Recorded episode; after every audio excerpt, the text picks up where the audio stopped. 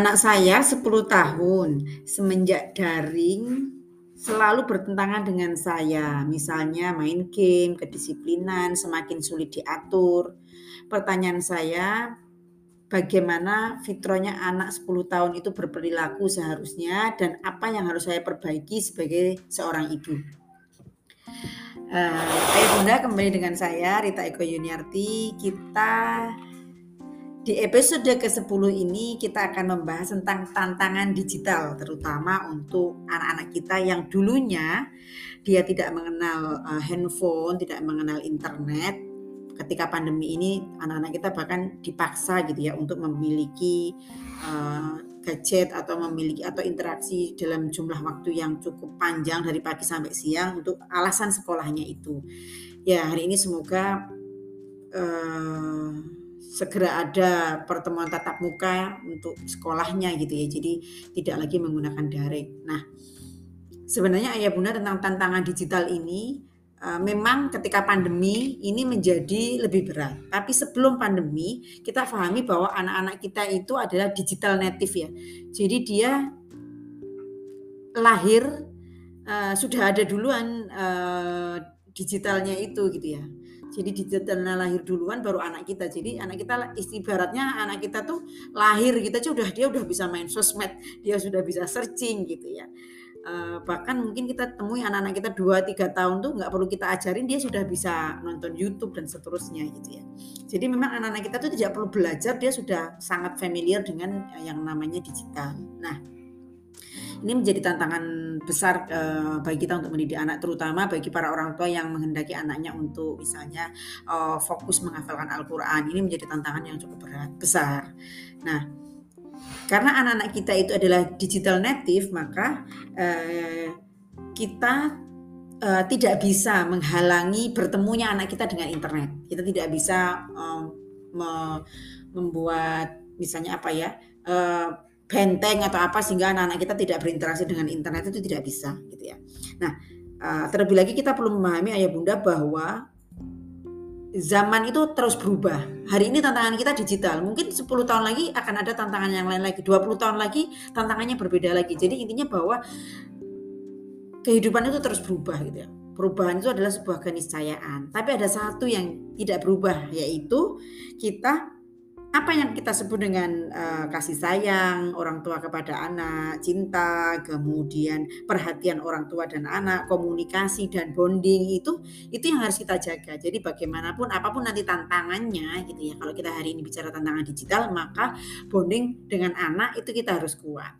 Jawaban pertama untuk me, me, menghadapi tantangan digital itu adalah bonding orang tua dan anak. Ayah Bunda bisa menyimak di dua podcast saya sebelum yang awal-awal itu saya membahas tentang bonding dan bagaimana memulai bonding. Nah, kalau kita lanjutkan ke tantangan digital, uh, ada beberapa poin yang mungkin akan saya sampaikan di sini, Ayah Bunda. Yang pertama memang terkait dengan pengenalan fungsi. Untuk apa sih handphone itu kita gunakan, internet itu kita gunakan itu untuk apa? Anak-anak kita mungkin tidak paham. Jadi kita perlu membuat statement misi statement ya. Kita perlu membuat yang namanya penjelasan kepada anak handphone itu kita gunakan untuk apa sih? Internet kita gunakan untuk apa? Saya biasanya menjelaskan tiga hal kepada anak-anak saya. Dan itu tidak cuma saya jelaskan, tapi saya juga memberi contoh kepada anak-anak saya. Saya membuktikan dengan handphone dan dengan laptop yang saya miliki bahwa satu, internet, handphone itu kita gunakan untuk mencari informasi. Contohnya, mencari resep masakan, mencari eh, buku-buku, uh, mencari tempat wisata baru, mencari rumah makan, misalnya seperti itu ya. Itu yang kita lakukan gitu. Jadi digunakan untuk mencari informasi, bukan mencari ilmu ya mencari informasi. Kalau mencari ilmu kita akan pergi ke guru, kita akan datang ke sekolah. Jadi kita lakukan adalah untuk mencari informasi.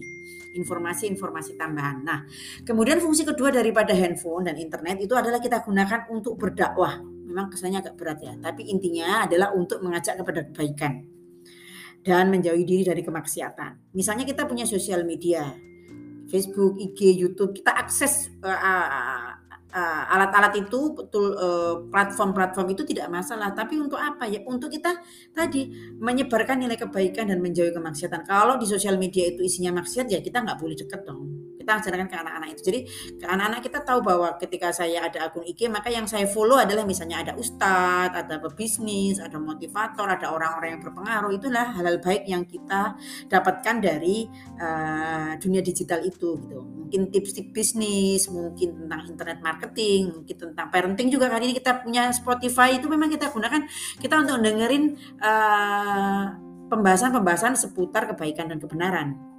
Dan itu bisa menjauhkan kita dari kemaksiatan. Itu kita sampaikan kepada anak, fungsi yang kedua. Kemudian fungsi yang ketiga gitu ya Uh, kita harus bisa berbisnis via digital ini gitu karena memang kalau zaman sekarang bisnis itu kalau tidak gunakan jalur digital ya tidak ya kita akan ketinggalan tiga fungsi ini yang mencari informasi untuk dakwah dan untuk bisnis ini kita kenalkan kepada anak kita jelaskan kepada anak sehingga anak-anak paham fungsinya terlebih dahulu mereka tidak kalau belum bisa menggunakan handphone untuk tiga hal ini mereka belum saatnya mempunyai handphone.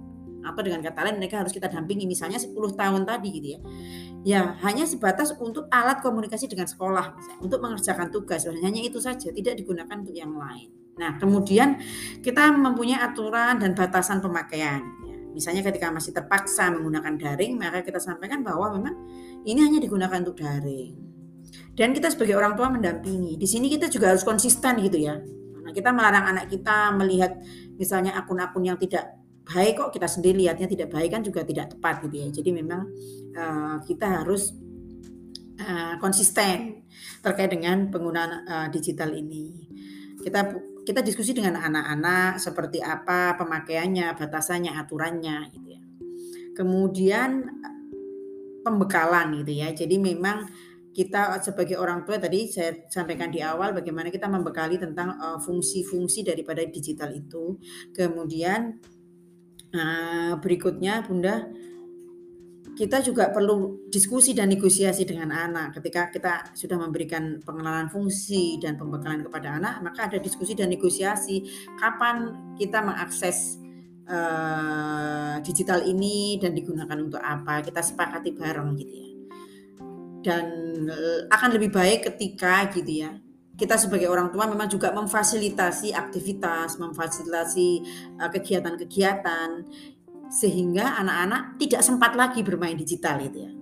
Pagi kita ajak olahraga, kita ajak masak bareng, ntar siang kita ajak ngobrol, sore kita ajak jalan ke mana, malam kita ajak ke mana belajar dan sebagainya. Memang kita bisa membuat program-program yang bisa diikuti anak dengan menyenangkan. Itu ya memang jadi memang tantangan orang tua di digital ini menjadi semakin semakin berat karena ya orang tua harus lebih colorful kalau saya sampaikan. Harus lebih berwarna daripada layar.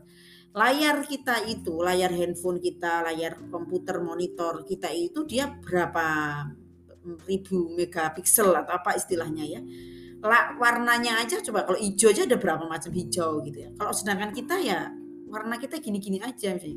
Kalau kita sebagai ibunya di rumah pakainya daster, dasternya itu itu aja, jadi nggak ada menariknya gitu. Bagi anak tuh mungkin fisik orang tua itu nggak ada menariknya. Kita kalah eh, kalah saing dengan yang namanya uh, layar, dengan namanya yang warna-warni yang ada di layar. Jadi bagaimana memang kita sebagai orang tua tuh lebih colorful ya. Kita bisa lebih dekat dengan anak, kita bisa lebih bervariasi yang kita kita uh, adakan kegiatan dengan anak-anak sehingga apa kita berharap ketika memang kita mempunyai banyak sekali kegiatan dan aktivitas anak mulai terkurangi dengan adanya penggunaan digital tersebut. Semoga bermanfaat ayah bunda.